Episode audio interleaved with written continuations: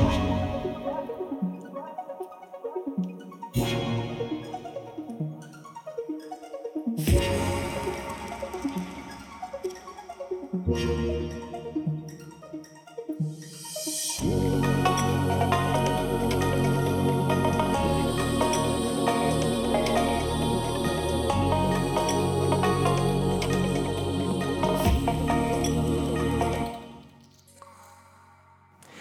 Hej och välkommen till Hotspot!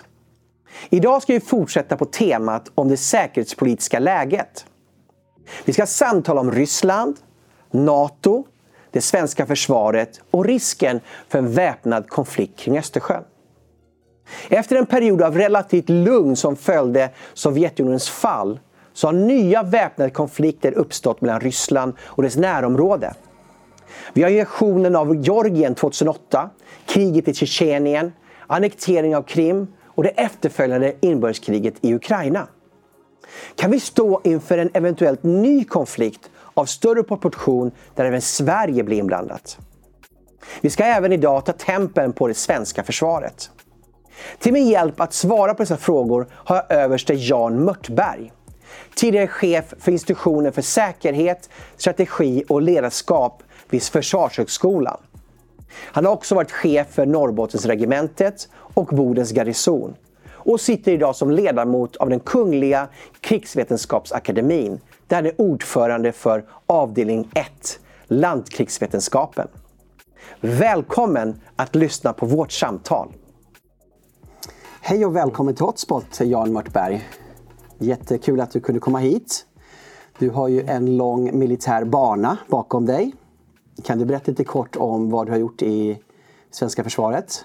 När jag gick i pension eh, 2016 eh, så hade jag i sex år varit chef på Försvarshögskolan för institutionen för säkerhet, strategi och ledarskap.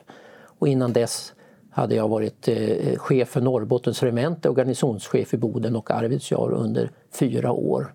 Och tidigare har jag gjort normala kan man säga arméofficersuppgifter och dessutom en session som militärsakkunnig på försvarsdepartementet. Just det. Och du har också varit utlandsplacerad ett par ja, gånger? Fem gånger har jag varit ute. Mm. Och idag sitter du med i Kungliga krigsvetenskapsakademin och är ansvarig för avdelning 1. Där är jag ordförande. Du är ordförande, och det, och det är den avdelningen som fint heter landkrigsvetenskap. I realiteten är det armén och markstridskrafterna. Just det. Ja, en, en eh, heder att du har kommit hit till vårt program. Tack så mycket. Eh, vi ska idag tala om Östersjön, säkerhetsläget kring Östersjön, mm. eh, det svenska försvaret och Ryssland. Och eh, hur bedömer du eh, hotbilden ser ut för Sverige kring Östersjön? Man kan väl säga så här att, att eh, för Sveriges del så, så är, det, är det två strategiska områden utifrån det här perspektivet. Och det ena är Östersjön som i stor utsträckning handlar om eh, ryska intressen och eh, de baltiska staterna, Finland och Sverige, Polens eh, sä säkerhet. Eh, men man får aldrig eh, frångå att eh, vårt strategiska läge också i stor utsträckning är kopplat till Nordkalotten. Eh, och Arktis och det faktum att eh, Ryssland där har sin, sin oerhört viktiga kärnvapenkapacitet för andra slags förmågan och det som i realiteten gör Ryssland till, till en eh, global strategisk aktör. Och där är Ryssland i paritet med USA. Och därmed så kommer, kommer eh, våran strategiska situation, eh, det påverkas av de här två förhållanden som jag säger nu. Och inte minst då i Östersjön. Och eh, där är ju, eh, är ju det faktum att de baltiska staterna för att, för att lösa sina egna säkerhetspolitiska eh, problem eller eh, lösa sin uppgift mot sin egen befolkning så har ju de baltiska staterna valt och blivit medlemmar, blivit medlemmar i Nato. Och det gäller ju också för, för Polen. Medan Finland och Sverige ju har en, en annan lösning. Det är i sammanhanget naturligtvis väldigt viktigt med det konstaterandet att, att Norge och Danmark också är NATO-medlemmar och Tyskland naturligtvis. Eh, man ska i det här sammanhanget inte heller bortse från det faktum att, att eh, vi är medlemmar i Europeiska unionen som har en tydlig eh, säkerhetspolitisk dimension och där är vi ju är ju Finland med också, och naturligtvis de baltiska staterna, Polen, mm, mm. Tyskland. Danmark. Eh, vid en eventuell militärkonflikt i Europa, eh, vilken roll skulle svenskt territorium spela in då? Ja, om man tänker sig rent eh, militärt och då blir det militärgeografiskt så är det ju så här att eh, att eh, de baltiska staterna, deras, deras eh, försvar är ju intimt kopplat genom med, med de andra medlemmarna i Nato eh, genom den så kallade artikel 5 som, som finns i Nato och, och den brukar kallas ibland för musketörsprincipen om en för alla, alla för en.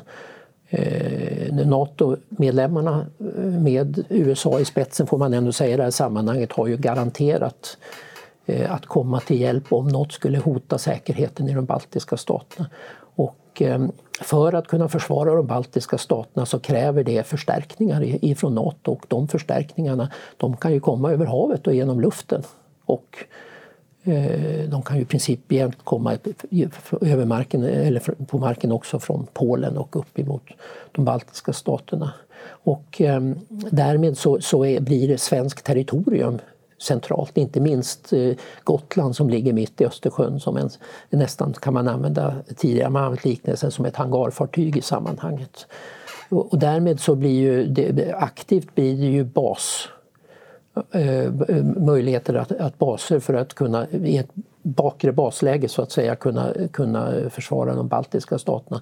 Men utifrån ett annat perspektiv eftersom det är Ryssland man föreställer sig i så fall skulle, skulle angripa någon eller de, hela, alla de baltiska staterna så, så skulle de ju kunna börja med att ockupera Sverige och därmed få mm. åtminstone Gotland och få en skärm framför. Och därmed så blir ju de baltiska staterna väldigt svårförsvarade. Mm. Å andra sidan finns det en joker i det här sammanhanget och det är det faktum att eh, vi pratar om att både Ryssland och eh, eh Nato i form av USA, Storbritannien och Frankrike har ju kärnvapen och eh, eh användande av, av, kärnvapen är, är ju en option som finns option i, i det ryska strategiska tänkandet. Och därmed kan man om man ska hantera Ryssland Eh, så kan man inte bortse från det faktum att de har kärnvapen. Mm, mm. Men om, vi bortser, om det inte skulle bli eh, ett krig där kärnvapen är inblandade så är alltså Gotland ett strategiskt geografiskt område mm. vid en konflikt mellan Nato ja. och, och Ryssland på grund av Baltikum. Ja. Och som kommer att, kommer att bli indraget tidigt. Kanske Oavsett om vi vill eller inte så kommer ja. det dras in på, ja. i början. Ja. För det har väl att göra också med truppförflyttningar, eh, luftöverflygningar, sjöfart att den som har Gotland kontrollerar helt enkelt öst, eh, militäraktiviteten kring Östersjön. Ja. Mm, just det. Eh, är, är Östersjön den främsta friktionsytan mellan Nato och Ryssland eller finns det andra områden där det skulle kunna uppstå krig utan att Sverige skulle behöva blandas in i det här?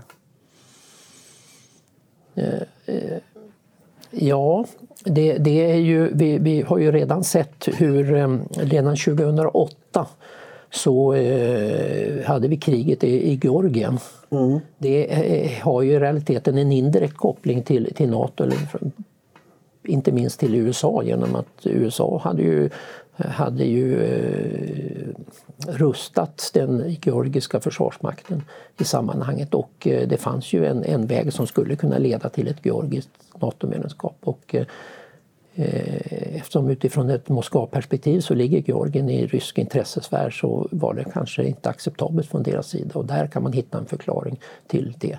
Men den är inte hela förklaringen utan egentligen kanske man kan argumentera ifrån ett strategiskt perspektiv att den konflikten handlade om eh, Ukraina.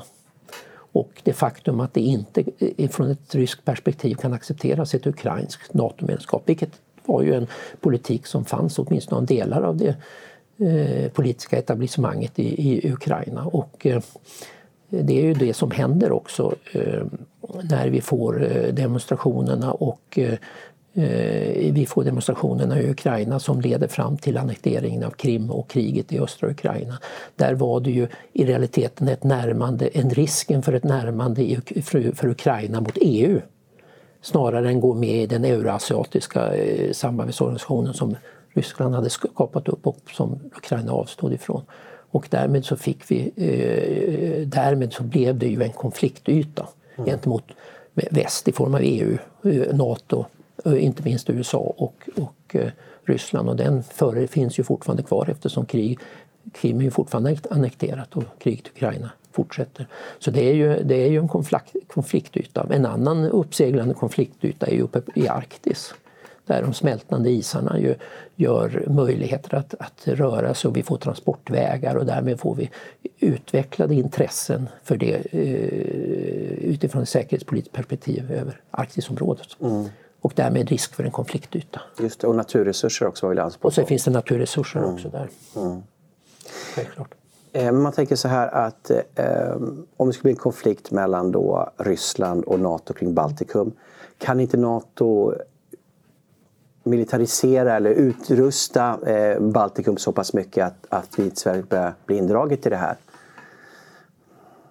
Ja, principiellt så skulle man kunna tänka sig det men, men eh, det, vore, det, det vore ju i det läge som vi är i nu där, eh, så vore det ju ett väldigt kraftfullt slöseri med, med resurser för att det är inte så att man skulle flytta eh, resurser från någon annan plats utan då skulle det handla om att tillskapa resurser för det syftet. Nu har man ju byggt upp i realiteten, förutom att de baltiska staterna har sina egna försvarsmakter, så har man ju militär truppnärvaro på ett rotation rotationssystem i alla tre länderna ifrån flera, ett stort antal av NATO-länderna. Och därmed har man ju skapat en snubbeltråd för att i händelse av ett eh, ryskt angrepp på Baltikum så skulle det ju väldigt tidigt bli förluster i de flesta, eller många av NATO-länderna och därmed dras in i krig.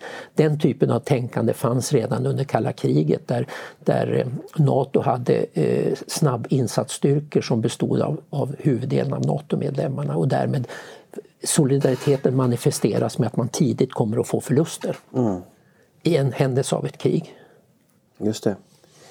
Um, vilken taktik tycker du Sverige ska ha? Ska vi ha avskräckning om styrka i Sverige eller, eller ska vi um, mer eh, vad ska jag säga, eftergiftspolitik mot Ryssland? Eller vad, vad anser du är rätt sorts taktik för att bevara freden?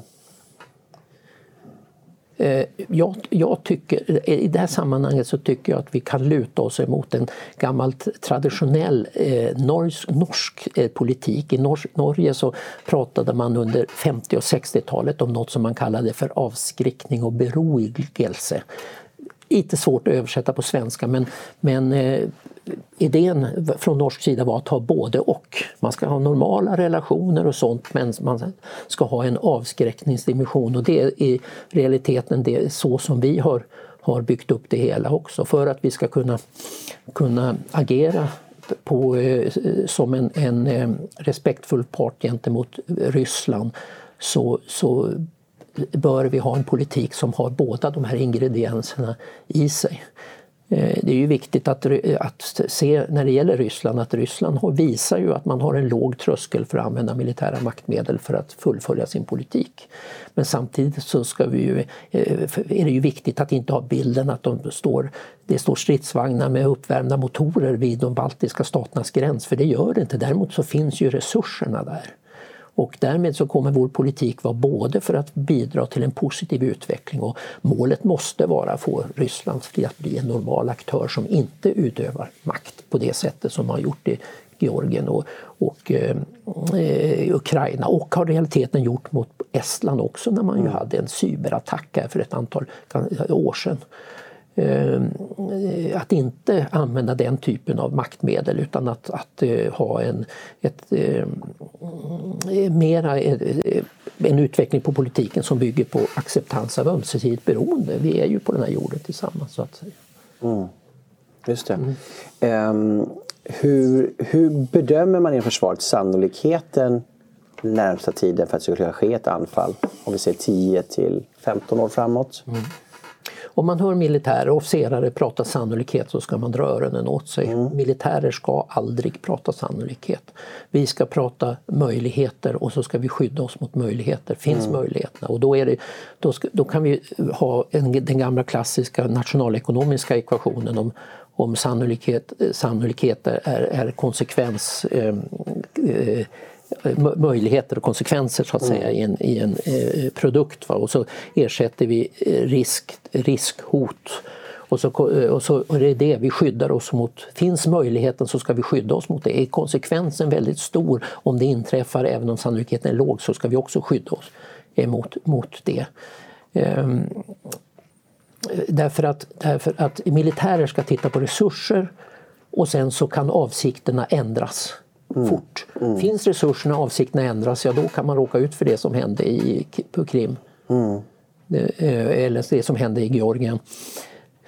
Ehm, men, men, eh, och därmed så är det resurser som militärer ska titta på och bedöma. Mm. Och sen så ska man naturligtvis hantera avsikten med beredskapen. Ska ja. ha beredskap om avsikterna ändras. Men resurserna ska finnas där. Och det skulle jag vilja påstå är matematiken bakom den, det, det, det, det faktum att vi har ett, ett eh, militärt försvar och som vi har beslutat nu i försvar, det senaste försvarsbeslutet att vi måste förstärka förmågan därför att vi går mot osäkrare tider och det är redan nu ett ganska osäkert läge och då mm. måste vi skydda oss. Inte för att det kan bli krig mm. utan för att hindra det från att bli krig. Just det. det är det som är ekvationen. genom styrka. Ja. Mm. ja, och genom militära samarbeten. Mm och andra samarbeten och genom vårt medlemskap i Europeiska unionen mm. som är en viktig eh, säkerhetspolitisk faktor också. Mm. Men någonstans måste ju någon ändå titta på sannolikheterna för att veta vad vi ska lägga i beredskap. Absolut. Mm. Absolut. Och det, det, underrättelsetjänsterna ska naturligtvis göra den bedömningen och sen så är det den politiska nivån som fattar beslut. De här risk, ja, risker vi är beredda att ta mm, mm, i sammanhanget. Mm.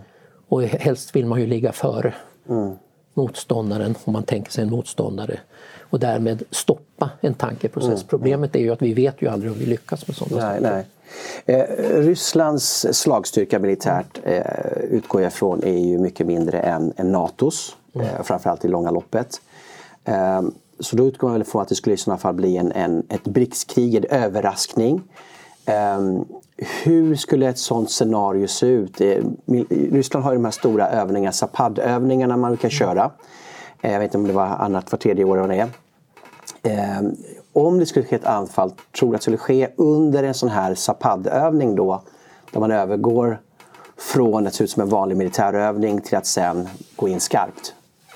Ja, Eller hur ser krigsskådespelen ut? Ja, men alltså det, det, man ska ju naturligtvis förbereda sig för olika, uh, olika scenarier och det där är ju ett scenario som, som ska kunna hanteras och därför är det oerhört viktigt att följa övningsmönster mm. om de förändras och sådana saker. Men jag skulle, jag skulle vilja göra den nu väldigt kända liknelsen att höra om när, vi prat, när man får frågor från, till Folkhälsomyndigheten kring de scenarier som skissas upp så är ju, är ju eh, Anders Tegnell och Johan Carlsson ju där i ledningen för Folkhälsomyndigheten oerhört tydliga med att säga att det här är inga prognoser.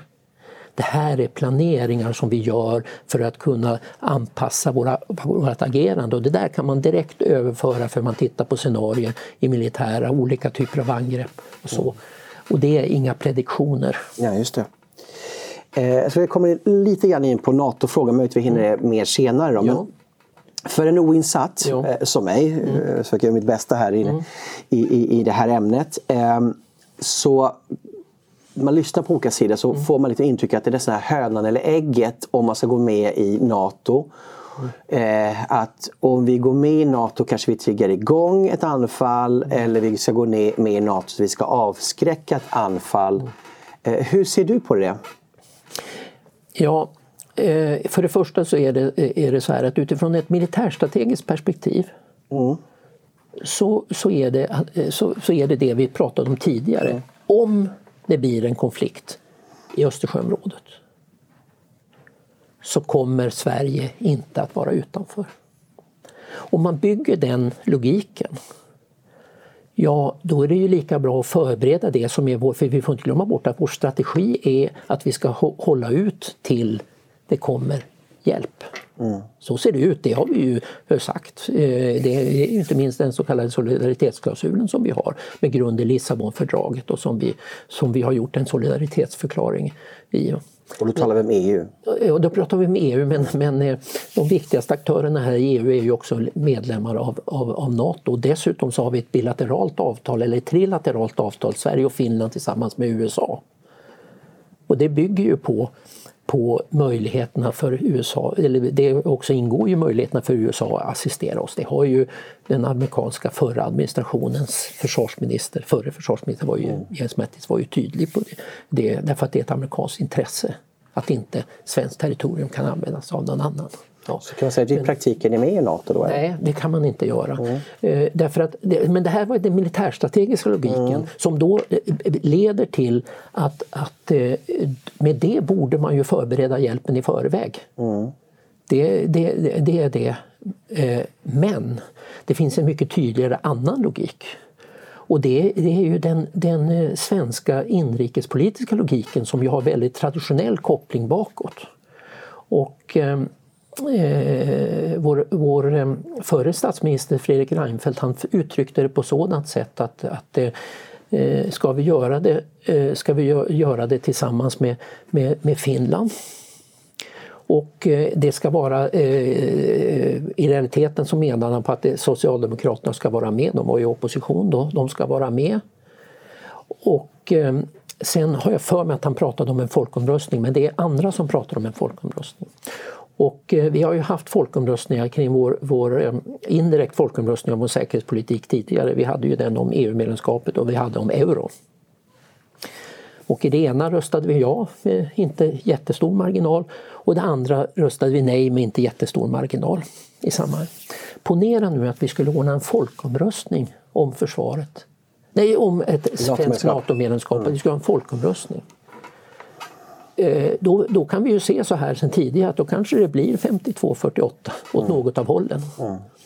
Det är ingenting som jag tror skulle imponera i, i det faktum att i den amerikanska senaten så ska det med två tredjedels majoritet rösta för att Stockholm är lika viktigt som Chicago. Mm. Eller New York eller Washington. Därför att det är det som det innebär att man är försvarsgaranti. Med 52-48 är det 48 av svenskarna som inte tycker att vi ska göra det här.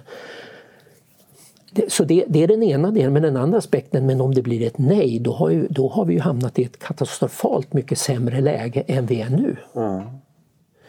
Alltså är det i stor utsträckning en inrikespolitisk fråga i Sverige och det, det är ju faktum. Det finns ingen anledning att, att raljera över det utan det är faktum. Vi ska berätta för svenska folket varför.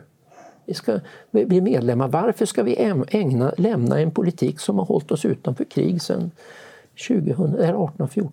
Mm. 15. Det, det, är ju det som, som behöver besvaras. För det är naturligtvis så att de som tror att det är så att ett NATO-medlemskap skulle öka spänningen i vårt närområde. Det är ju det argumentet de kommer att ha. Mm. Det här, vår framgångsrika säkerhetspolitik från 1814-15 och framåt har ju hållit oss utanför krig. Mm. Varför ska vi ändra på det? Är det här, anser du, ja. är det här den bästa strategin för en del menar att det här är en dålig strategi därför att vi har ju värdlandsavtal mm. Eh, med NATO mm. och, eh, vilket gör att de eh, på ett sätt så ser ju Ryssland oss som en del av NATO. Mm.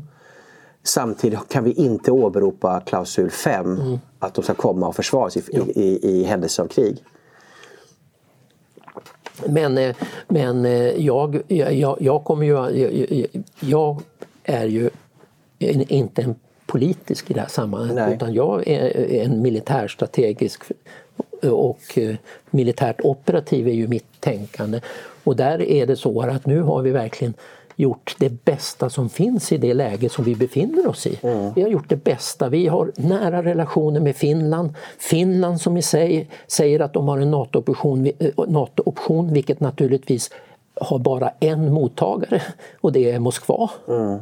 Gör ni någonting mot oss så påverkar det, kan det påverka. Och vi, så vi har ett nära samarbete med Finland som inte äventyrar att vi och Finland tillsammans har, har nära relationer med USA bilateralt och vi har ett nära partnerskap med Nato. Vi, när vi har övningar så, så bjuder vi in och nu har det pågått en flygövning uppe i norra Sverige och norra Finland med, med deltagande från ett antal NATO-länder. Det är ju bara ett samtidigt vi övar. Ehm, en, eh, och som det gamla uttrycket heter på engelska, you train as you fight, mm. fight as you train. Mm. Det är det vi gör nu och förbereder så att i det fall att vi skulle komma i krig så är det så här som vår ekvation går ut. Men det är klart, är det inte förberett mm. så är, är, är, kommer det ta lite längre tid och därmed så måste det finländska och svenska försvaret ta första stöten i stor utsträckning mm. själv, precis som de baltiska staterna, även om de också har, har hjälp och de är ju medlemmar i, medlemmar i, i i, i Nato. Och därmed så, så, behöver vi förstärka försvarsförmågan. De målen som vi har i försvarsbeslutet de måste innehållas och därefter väntar ytterligare förstärkning i näst, nästa steg därför att mm. vi ser inte någon avspänningsperiod framåt. Nej, nej. Vi gör inte det och det är en, en slags realitet och det här gör vi för att vi inte ska komma i krig. Det är, krigsav, det är fredsbevarande krigsavhållande som är hela idén bakom mm. egentligen de flesta länder, kanske jag skulle säga civiliserade länders säkerhetspolitik bygger på det. Mm. Ja. Så, så, så, så det, det, är en lång, men det är så jag ser för, för, frågan, eh, att frå, frågan ser, ser ut mm. i sammanhanget. Och där är naturligtvis värdlandsavtalet en jätteviktig del av det hela. Men om värdlandsavtalet innebär ju då att de skulle komma oss till hjälp, då, ja. att vi har ett samarbete. Men sånt tar ju tid och om Ryssland skulle anfalla skulle gå väldigt fort, vi kanske talar om timmar. Ehm, då skulle man ju aldrig hinna komma till hjälp förrän de facto vi redan har blivit anfallna. Men då är ju, då är ju försvarets och det svenska totalförsvarets uppgift att se till att vi inte, att vi inte förlorar. Mm. Det, det, och det, där är vi ju samma båt som finnarna, det är samma, och, naturligtvis. Och, eh, och sen, sen, är det ju det faktum som är väldigt viktigt, så att det, det finns inte så mycket stridskrafter i Nato som bara står och väntar på att bli transporterade till Sverige, särskilt inte markstridskrafter. Mm. Så att eh, flygstridskrafter är snabbt att, att flytta på men mm. markstridskrafter är det inte och, och därför är den, för, den nödvändiga förstärkningen av eh, armén som, som finns med i försvarsbeslutet oerhört viktig. Och det säger jag naturligtvis eh, eller jag är ordförande i avdelning 1 i Krigsvetenskapsakademin så det, men det är inte därför jag tycker det, anser det utan, utan det är ju för att, för att eh, det här är en nödvändig del av det försvarsförstärkning som vi är mitt inne i. Så vad, du, så vad du säger egentligen är att i första skedet så kan vi inte lita på Nato utan vi måste själva kunna ta den första stöten? Absolut. Mm. absolut. Och det betyder ju inte att vi inte ska ha ambitionen att, att eh, se till att, att eh, de blir en del av det. Mm. Ja. Men det börjar med Sverige och Finland. Mm. Eh, hur skulle ett anfall mot Sverige se ut? Vilka krigsskådespel har ni målat upp inom försvaret? Rent konkret. Ja, ja och alltså det, det, vi, man kan ju prata om att det, det, det, handlar ju om bland annat naturligtvis handlar det om en, en, en framryckning i Baltikum som också innebär en avskärmning genom att man sätter sig på delar av svenskt territorium men det kan också börja med att man sätter sig på svenskt territorium och det är klart att det, att, då, då talar vi vilka områden då geografiskt? Ja, vi pratar ju om, om eh, vi pratar ju om, om eh, södra Sverige, vi pratar om Stockholm eh, i ett, ett, ett sammanhang om det, det, det rör att man har eh, basområdet i norra, norr, norra Ryssland också del av, av, av scenariot. Då kommer det att vara, beröra norra Sverige också. Mm. Och eh, eftersom eh, det finns amerikanska stridskrafter, eller materiell för amerikanska stridskrafter i eh, Tröndelag i Norge kom, som har krigsuppgifter bland annat i Baltikum så kan det finnas ett, att man vill avskära deras möjlighet att komma ner till Baltikum och då kan Mellannorrland bli indragen också. Eh, och sen är det ju så att Göteborgsområdet är ju intressant för, för förstärkningar så att mm. Göteborgsområdet är, är också är viktigt och då har jag beskrivit de fem strategiska områden som, mm. som eh, det handlar om att vi bör vara i förhand. Vi bör ha egna stridskrafter i förhand så att det inte finns en bit av Sverige att bara plocka åt sig. Mm, mm. Jag har ju sett några föreläsningar med Karis eh. Ja. Som skulle jag, eh, jag frågade honom först men han var sjuk och inte kunde ja. komma. Jag är väldigt tacksam att du är här. Mm. Eh, men då visar han upp ett scenario där inom några timmar har man mm. redan försatt eh, spetsnagtrupper i södra Stockholm. Mm. Eh, tagit delar av Gotland och eh, området kring tror jag, Blekinge, ja. Landskrona. Eh, låt oss gå lite grann in på Ryssland. Mm. Eh, vad motiverar Rysslands ambitioner och agerande i närområdet? Så deras bakgård. Ja, det, det är eh, en av, av eh, sakerna som är viktiga för Ryssland det är att att värna om sin egen stormaktsställning. Det är, det är en viktig drivkraft, det kan låta kanske lite konstigt för oss, men, men, men så är det. Det andra är att man vill ha ett nära utland som man en gång i tiden lanserade begreppet som vill ha ett nära ut, utland som i alla fall inte kontrolleras av någon upplevd kontrahent i sammanhanget. Och det är ju stor utsträckning Ryssland som beskriver det här som ett nollsummespel och en konkurrens mellan eh, USA och NATO å ena sidan och Ryssland å andra sidan. Och den typen av, av krigsspelstänkande det har de bibehållit under hela den här resan ifrån Sovjetunionens fall och framåt. Så jag kommer ihåg besök i Moskva kring 2004 vi i Moskva när, när våra elever, på, uh, svenskar som gick, uh, en elev som gick där på, på um, ryska generalsakakademin pratade om de här scenarierna och 2004, det var ju helt främmande för oss att överhuvudtaget tänka. Mm. Så det är i stor utsträckning det ryska tänkandet som har blivit påtvingat oss genom sitt, sin politik, sitt agerande och sitt strategiska tänkande som bygger på att omvärlden ska i alla fall inte, inte vara, eh, det ska, det, nära oss så ska det inte finnas krafter som, som är tydligt emot oss och därmed så skulle man kunna argumentera för att de baltiska staternas NATO-medlemskap och EU-medlemskap är en nagel i ögat. Det är ju en diskussion. Vad går egentligen den ryska intressesfärens gräns? Mm. Uppenbart så har de visat hur de ser på Ukraina, hur de ser på Kaukasus. Men hur ser de på vårt närområde mm. och, och Baltikum? Är, är de baltiska staterna innanför och utanför. Och skulle det då i ett, i ett utvecklat försämrat annat läge finnas en tillfällighet att utnyttja möjligheten så kan man inte utesluta att det blir liksom göra som man gjorde på Krim. Just det. Eh, alltså, Ryssland har ju en erfarenhet också att de har blivit anfallna av Napoleon, av Hitler. Um, ja, de brukar faktiskt nämna oss också. Ja, de nämner oss också. Att då får vi gå tillbaka till 1700-talet. Ja. 1700 ja, var, en annan fråga. Ja, precis. Uh, så att har de en militärdoktrin då som du, näm- som du då är inne på av en buffertzon och att när, när då eh, Nato ta fram sina positioner som de ser det då så hotar de deras buffertzon att inte, de vill inte föra krig på sin egen mark.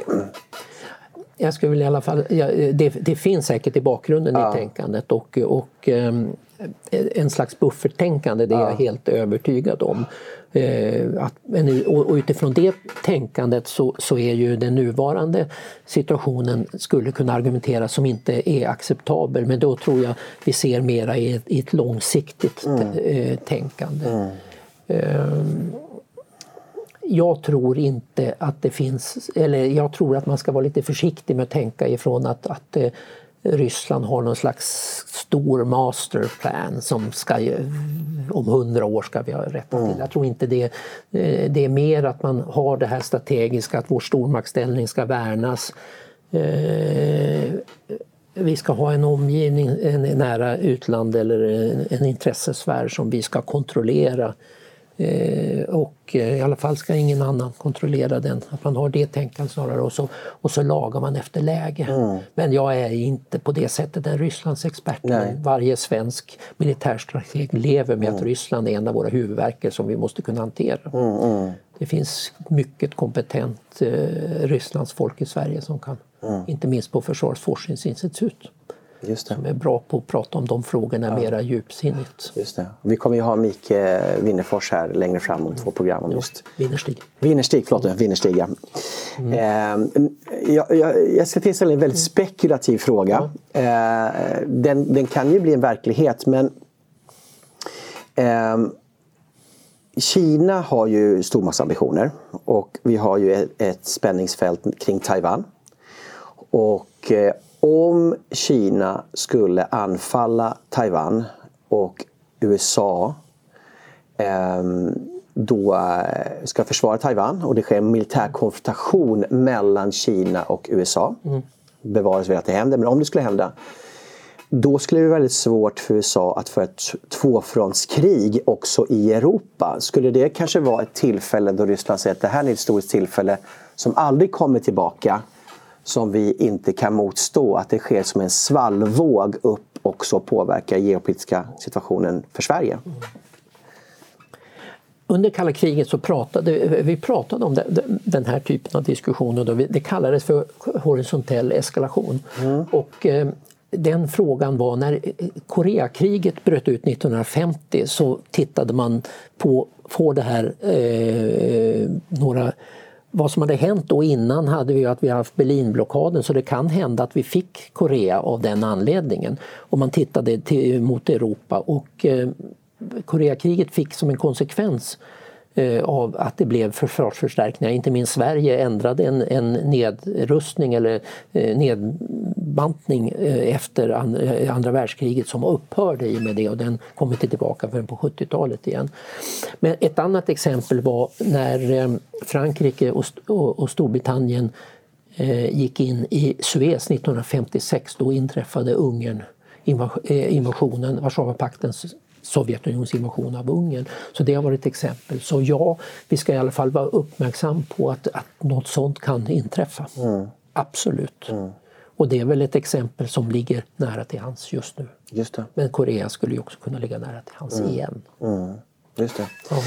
Eh, jag skulle vilja komma lite grann på vilken form det ryska försvaret är i dagsläget. Mm. Eh, både när det gäller teknik och vapenslag. Eh, mm. De har ju faktiskt lyckats utveckla en hel del ganska vassa vapen. Mm. Eh, Iskanderrobotar, S-400 mm. försvarsrobotar.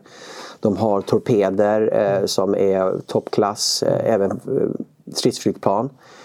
Hur bedömer du den ryska armén? För att, kanske för vanliga lekmän så tänker vi liksom gamla stridsfordon som är rosta från Sovjettiden. Hur, hur, ser det ut? Är det en blandning eller, eller sker det en snabb utrustning av väldigt mycket mer tekniskt avancerade slag? Eller?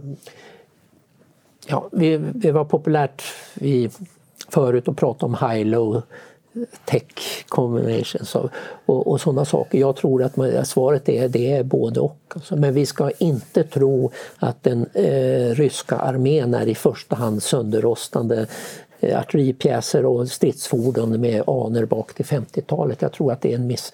Men, men man har behållit som materiel finns också. Man har volymen eh, också. Ja, man har volymen. Men, mm. men, men eh, eh, den, försvaret är organiserat med, med snabbinsatsstyrkor och med tillgängliga styrkor för att kunna, kunna stödja den säkerhetspolitik som man för. Och den mm. säkerhetspolitiken har ju, fick ju sitt uttryck, jag vill bara komma igen, i Georgien, den fick sitt uttryck i operationen på Krim, Krim den har fått sitt uttryck i östra Ukraina. I Syrien. Och, och då kommer det sista Syrien. Ja. Alltså att, att kunna ligga med örlogsfartyg i Kaspiska havet och göra kryssningsrobotattacker mot Syrien, det är det visar på förmåga. Mm. Det tycker jag är väldigt viktigt och sättet på vilket man snabbt gick in i, i, i Syrien är också ett exempel på att man, att man också har ett expeditionärt mm. förhållande. Tidigare skulle vi i stor utsträckning säga att det den som var expeditionära i stor utsträckning, det var amerikanerna som kunde mm. det. Britterna hade den förmågan, Frankrike hade i lite mindre utsträckning Ryssland. Men, men det här är syn för sägen om att, att eh, vi ska utgå ifrån att Ryssland kommer att skaffa sig den militärapparat som man behöver för att kunna leva upp till sin politik. Mm. Och det visar man mm. faktiskt. Mm. Blev man lite tagen på sängen kring Syrien? Att de var ganska effektiva? Ja, jag, jag passar på den frågan. Ja. Jag, kan inte säga. jag var inte förvånad. Nej. Jag passar på den frågan. Mm, mm, mm. eh, hur kommer manskap då? Eh, det är ett stort land, 145 miljoner invånare. Ehm, de har en demografisk utmaning också. FN räknar med att inom 30 år så kommer befolkningen minska med 7% ungefär till 135 miljoner. Mm. Ganska låg medellivslängd bland män framför allt. Eh, är det här något som kommer påverka den ryska eh, stridsförmågan då, kring den demografiska utmaningen? Eh, det, det, är säkert så att det är ja, men som ett ingångsvärde. Mm. Därför att jag kommer vidhålla att Ryssland kommer att skaffa sig den militärapparat man har. Och det är viktigt med, med, det finns ju de här gamla klassiska att man säger att, att eh, eh, Ryssland är, sett över historien, så är de aldrig så svaga som de syndes men aldrig så starka som vi fruktar heller Ja, i sammanhanget. Men vi är grannar, vi är tillbaka någonstans där vi började. Vi är grannar och det måste vi ta hänsyn till. Och eftersom det är, eh, vi inte har som grundidé att vi ska ha en anpassningspolitik eh, det vore direkt dumt för oss, så ska vi ha den här politiken som vi har. Det tycker jag är, det, det är klok politik och vi ska luta oss mot norrmännens syn på att det både ska vara beroligelse och avskräckning. Mm, just det. Ja. Ehm, vi lever ju i en värld där ehm, spänningarna mellan stormakterna har förändrats också. Eh, och man för ju inte bara nu krig manskap utan man har ett cyberkrig också. Ja. Hur ser den ryska förmågan ut när det gäller eh, cyberstridsmedel? Man alltså släcker ju ner kanske elsystem och sådana här saker i andra länder. Är den välutvecklad eller? Ja, är det, även här så ska vi utgå ifrån att den är god. Alltså det, det är, ehm, är ehm, de- de eh, påverkansoperationer som har, som har varit med, med cyberangrepp som har visat sig ha sitt ursprung i Ryssland. Eh, har ju i ett antal avseenden varit framgångsrika. Det fanns ju ett antal exempel kring det förra amerikanska presidentvalet som man kan ju förundra sig över att det var så framgångsrikt. Samtidigt så så var vi ju förberedda, förberedde oss ju för det i det senaste riksdagsvalet men har ju inte, har ju inte varit några tecken på att det Eh, var någonting sånt mot oss. Det kanske ger en liten bild av vilken nivå på aktör vi är. Ju. Så här, men att, att, att förmågan finns och att den då och då visar sig, vare sig vi begriper det öppet eller inte, det är en annan sak. Och det ska vi förbereda oss och där har vi ju en ordentlig hemläxa att göra på hemmaplan.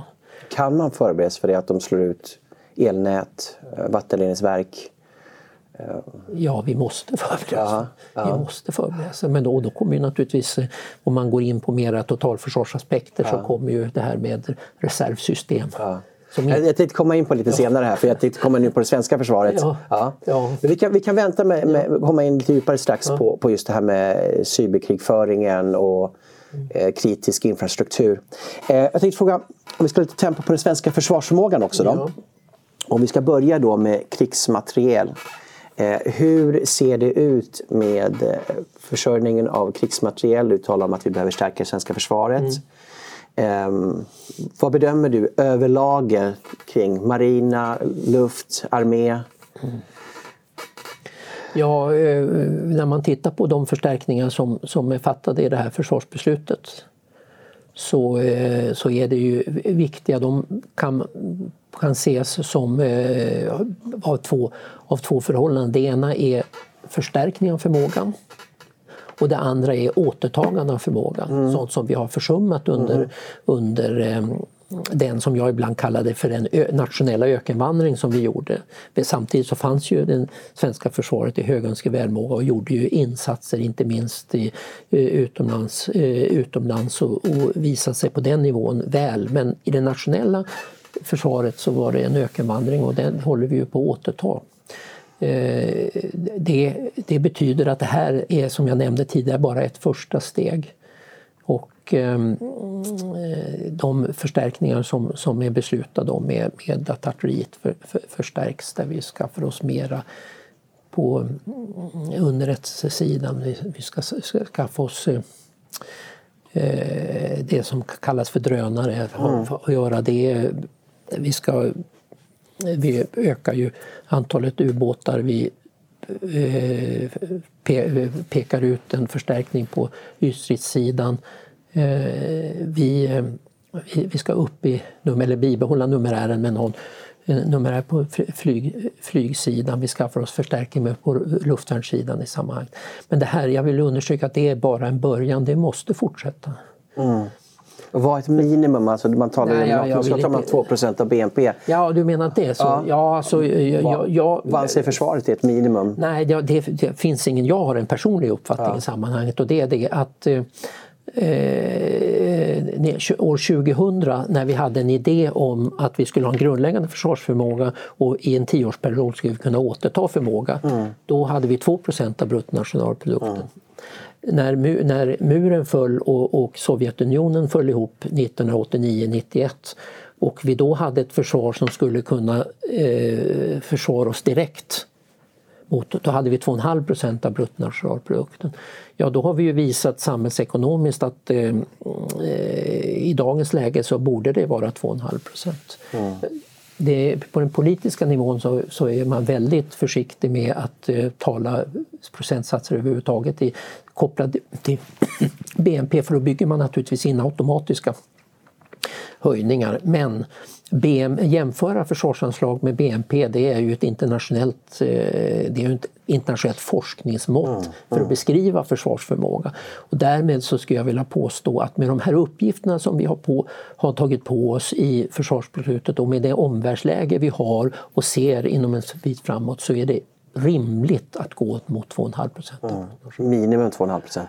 Ja, åtminstone gå mot 2,5 procent. Mm. Jag tycker det är rimligt. Och jag säger det, att det är mot uppgiften och. Eh, och, så, så är det rimligt. Och var befinner vi oss idag? Vad, vad vi? Ja, vi är ju på väg, eh, vi är ju på väg mot, eh, vi har ju passerat 1,5 procent och det finns ju en, en utpekning mot 2 procent. Ja. Men, men just nu så är det ju en kontroll, mellan, mellan 1,5 procent och 2 procent så befinner det sig 2022 ska det vara en så kallad kontrollstation i sammanhanget. Eh, men kan vi bemanna? Om vi har en lång köplista och vi köper in allt möjligt material, har vi, har vi folk att bemanna alla de här vapenslagen? Ja, så vi, vi har ju fattat det mycket kloka beslutet att, att eh, återaktivera värnplikten och det är naturligtvis en, för ett litet land som Sverige så är det en viktig eh, rekryteringsbas för soldater om jag får använda det uttrycket. Värnplikt har ju många andra aspekter på, på det men det finns en moralisk aspekt på att svenska folket tar på sig att försvara sig själv i en, inte genom frivillighet, jo det finns en frivillighet men inte genom att man går ut och får frivilliga och, utan att man har en utskrivningssystem så att säga. Mm, mm. Ja, vi är en liten befolkning men ja. ett geografiskt stort land i förhållande ja. till befolkningen. Därmed så att lägga värnplikten vilande 2010 det var ett misstag då ja. och nu, det var ett misstag redan då mm. med den kunskap vi egentligen hade då mm. och det är definitivt i backspegeln ett misstag som vi nu får inte äta upp utan måste ta igen. Mm. Det tycker jag är det viktigaste. Mm. Och, ehm, eh, så det, det, det, jag skulle vilja påstå att på lång sikt så var det en av de enskilt viktigaste förutom att säga att vi ska öka förmågan. Mm. Eh, I det senaste försvarsbeslutet var det att, att äh, åter börja tillämpa värnplikten. Mm. Det var viktigt och då, det finns ju andra aspekter. Man kommer åt befolkningen, kompetensen. Mm. Det är ju också könsneutralt, det var också en viktig del av det hela kommer åt kompetensen och det är också en, en e, erfarenhetsmässigt väldigt god grund eh, per rekrytera befäl. Mm, just det. Ja. Eh, jag tänkte komma tillbaka lite grann kring Men det, bemanningen, det, det är klart vi måste öka ja. och en av, för arméns del nödvändigt för att kunna göra den här ökningen på sikt, den här strategiska mm. ökningen som det är att säga att vi ska öka på sikt, det är ju att gå tillbaka till ett par platser för att kunna bedriva utbildning. Ehm, att vi ökar i Sollefteå, att vi, att, nej, i Östersund, att vi etablerar regemente i, i ehm, Sollefteå, i, i Falun, att vi förstärker i, i amfibieförmågan i Göteborg för att ta exempel, att vi pekar ut att vi kanske till och med ska börja ha utbildning uppe i Kiruna. Det finns ju ett par sådana mm. Eh, att, att artilleriet går till två ställen så det kommer vara i Kristinehamn också. Det är strategiskt mycket kloka och viktiga beslut. Och eftersom de är strategiskt viktiga så är det lika bra att vi gör det nu. Mm. Fast det kommer bli en utmaning för den personal som finns i försvaret på kort sikt. Just det. Men det är sunt på lång ja, sikt. Ja. Hur är försvarsviljan bland folket? För att om vi ska ha folk som då ska bli soldater i allmän värnplikt, mm. att det också finns en eh, villighet eh, att försvara Sverige och en medvetenhet om situationen. Var, var befinner vi oss i försvarsviljan? Har den varit sjunkande genom åren? Det uppfattar inte jag. Nej. Jag, jag, jag, kommer att fortsätta att beskriva Sverige som en land med en stark försvarsvilja. Det är faktiskt bland de, de undersökningar jag har sett ja. så är bland de högsta i Europa. Jag tror Finland har högst. Ja. Och Sverige ligger i topp två, ja. tre, fyra ja. eller liknande. Mm jag tillhör väl de som, som, inte, eh, som tänkte på den frågan förra året i mars när man såg en väldigt stor uppslut, upp, att folk slöt upp bakom mm. myndigheternas beslut i mm. pandemihanteringen. Mm. mm. Det tog jag som en vidare att, att när det skorpar till sig då finns svenska folket där som en kraft. Just det. Mm. Just det. Eh, om vi kommer till den geografiska täckningen, förmågan att täcka Sverige. Sverige är uppdelat i sex sektorer. Stämmer det? Ja, eh, alltså i, i, i, i eh, i södra Sverige, eller i, i, Sverige nu militärt sett så är det ju, är det ju eh, fyra. Fyra, okay. Plus Gotland så att det blir som fem. Fyra procent. Okej, okay. mm. okay, fem sektorer. Mm. Uh, man har ju talat om enveckasförsvaret, att ja. vi kan försvara en sektor i en hel vecka. Ja. Men skulle det bli en krigssituation så kommer det ju inte då som du beskriver det eller om krigsskådespel som funnits vara sex sektor, eller en sektor utan Eh, man, fem. Ja, fem. Fyra, på, eh, fyra på fastlandet. Då. Ja, alltså Gotland blir indraget, Stockholm blir indraget. Fem, sex, förlåt, sex. Ja. Fem på fastlandet och Gotland. Ja. Mm. Och om man då även skär av Göteborgs hamn där mm. 90% av vår mm. Eh, import sker. Mm. Och också då med förstärkningstrupper och så vidare mm. i Göteborg. Mm. Hur skulle det gå då att kunna försvara Sverige, åtminstone de mest kritiska sektorerna som garanterat säkerligen inte kommer vara en sektor bara? Mm. Ja, för det första så vill jag, när det gäller Göteborg så får vi inte glömma bort att Göteborg också är en, en Norges största importhamn. Eh, vilket ju leder in till en försvarsallians i samma... Men, men eh, det, det, är en liten utveckling. Vi kommer naturligtvis eh, ha ett, ha ett försvar som i varje läge eh, gör det bästa utifrån de förutsättningar som finns. Och det tycker jag att överbefälhavaren vid, fler, vid flera tillfällen har frå, frågat att, eh, att eh, vi kommer, kommer att göra det. Men, men det är naturligtvis så att, att det försvarsbeslut vi har fattat eh, indikerar ju att eh, vi måste förstärka det, det behövs mer och egentligen så skriver den att det behövs ytterligare mer i ett nästa steg. Mm. Men det betyder ju inte att vi inte ska göra det absolut bästa eh, av situationen när det är. Det är den som fattar ett sånt korkat beslut som att börja bör, att att angripa oss på något sätt ska förstå, förstå att det var ett misstag. Mm, mm. Det är det som hela försvarspolitiken går ut för. Att förstå det innan man fattar beslutet. Mm. Det Avskräckningstaktiken. Det är, det är det krigsavhållande mm, avskräckningsdimensionen, mm, mm. absolut. Just det. Eh, jag tänkte komma lite grann på den inre effektiviteten också i försvaret. Alltså försvaret är en institution, likt alla andra i samhället, som inte är opåverkad av samhällstrender. Eh, och vi har haft lite andra program här vi talar om det, den postmoderna tankarna, så ja. vi kallar för woke-kulturen. Mm. Ehm, och i och med att svenska försvaret är så ett litet försvar mm. så behöver det vara så spetsigt och effektivt och mm. optimerat som möjligt. Ehm, och jag som vanlig medborgare kan liksom skönja en viss mm. ängslighet i försvarsledningen där eh, man kanske tar lite identitetspolitiska hänsyn i rekrytering och policies. Eh, är försvarsledningen lite politiskt korrekta också?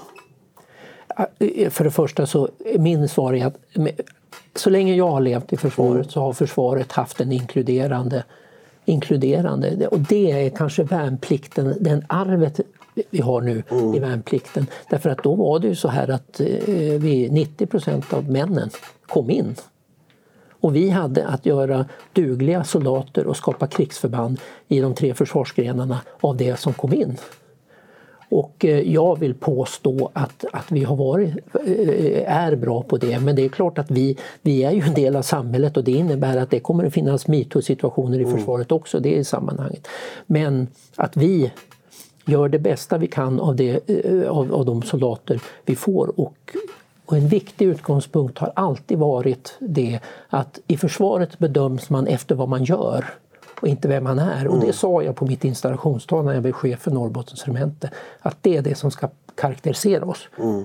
Eh, bry dig inte om var du kommer ifrån. Du klär billigt av dig din civila och klär på dig din uniform och då är du i uniform. Det skulle jag vilja påstå. Det betyder inte, för det är fortfarande bemannat av svenska, att de typerna av fördomar och sånt som finns i samhället finns ju naturligtvis med risk för att de finns också och behöver behöver hanteras i försvaret. Men i grunden är det att försvaret är en inkluderande organisation. Mm. Det, är, det är jätteviktigt och för mig kan det aldrig finnas någon annan utgångspunkt. Mm.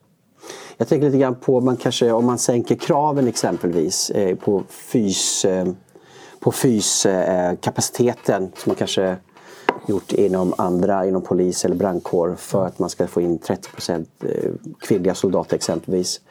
Um, krig är ju en väldigt, uh, alltså det, där finns ju inga hänsyn utan, utan att uh, för mig som medborgare så är det väldigt viktigt att vi har de bästa personerna på de bästa platserna oavsett vilka de är, vilken kön Absolut. de har. Men att man inte sänker kraven för att man har kanske då identitetspolitiska mål. Ja, alltså det är möjligt att det finns någon diskussion om det nu men för mig är det helt främmande något annat än det som vi en gång i tiden kallade för krigets krav. Mm. Befattningarnas krav eh, är, det, är, är det, som, det som gäller. Och eh, något annat är inte, alltså man kan inte acceptera sämre utbildning eller, eller sämre eh, det är ju en Försvaret är ju en kollektiv organisation där man jobbar i, bygger från stridspar och uppåt och man gör det tillsammans, man löser uppgifter tillsammans och man måste kunna lita på varandra. Och att, att man där eh, skulle göra avkall på krav. Men man ska inte ha krav som inte, eh, inte behövs. Men det här är verkligen inte mitt. Det här, är det, det här har jag utifrån principiella utgångspunkter. Mm. Om det, om, jag har missat om det finns någon aktuell diskussion på det men i mm. grunden är det krigets krav och befattningarnas krav som ska styra mm. och ingenting annat. Eh, vi har väldigt kort tid kvar. Ja. Jag har en fråga som jag tycker är ja. jätteviktig. Vi var inne på det och det var just ryska påverkanskampanjer då. Ja. Subversiv verksamhet. Eh, men jag tänker på en annan sak och det är just det här med cyberattacker på kritisk infrastruktur, ja. exempelvis penningsystemet. Mm vattenförsörjning, elförsörjning och ja. internet. Alltså skulle internet sluta fungera ja. och vi har, vi har, liksom, vi har, knappt, vi har inga kontanter kvar. Eh, om man skulle stå ut vattenförsörjningen, eh, vad, vad, vi har inga brunnar kvar. Alltså hur ser det ut kring det här totalförsvaret att titta på de här väldigt kritiska systemen i vårt väldigt avancerade mm. samhälle som också ja. är väldigt känsligt. Ja. Vi har elbilar exempelvis, vi, liksom, vi går bort från bränsle som vi kan liksom, eh, transportera. Eh, och, och, och, ja, men ska man slå ut elsystemet skulle vi inte kunna flytta oss mer än några timmar så är hela samhället helt lamslaget. En minut har du på dig. Ja, alltså det, det är ju så här eh, att eh, vi behöver beskriva det, för det är ju en hotbild i sig. Ja. Och vi behöver hantera och frågan om reservsystem dyker upp. Vi mm. måste hantera den frågan. Och Försvarsmakten behöver bestämma sig vilken egen uthållighet man behöver utan beroende av samhället. Och tittar man på det här nu verkligen på allvar och börjar förbereda sig eller? Ja, det, det, det, vi har ju, det har ju fått uppdrag, det har ju varenda svensk fått i uppdrag mm. i en broschyr om, mm. om kriget eller krisen kom, mm. kommer. Eh, där står ju ett antal saker och där får var och en klappa sig eh, handen på hjärtat. Gör jag det som jag har fått uppdraget att göra? Har jag den uthållighet och det behöver Försvarsmakten göra och, eh, och, och det görs. Mm. Om det görs tillräckligt eller inte, jag tror aldrig det kan göra Nej. tillräckligt. Utan det är bara att jobba vidare med den frågan. För ja. den, är, den är A och O att hantera den. Och jag tänker på penningsystemet. Jag med, om, om, om vi, banksystemet kommer att vi har inga pengar att ens köpa någonting. Nej. Då blir det lappar när man skriver reverser. Ja, just det. Jan Mörtberg, tack så jättemycket att du har delat dina mm. kunskaper och dina tankar. Eh, och eh, vi är väldigt glada att du kunde komma hit. Välbekomme. Tack så mycket du som har lyssnat. Eh, vi fortsätter vårt program om det säkerhetspolitiska läget och nästa program kommer vi tala om vart är Kina på väg? Och då kommer jag ha journalisten Jojje Olsson som gäst. Så välkommen tillbaks nästa vecka.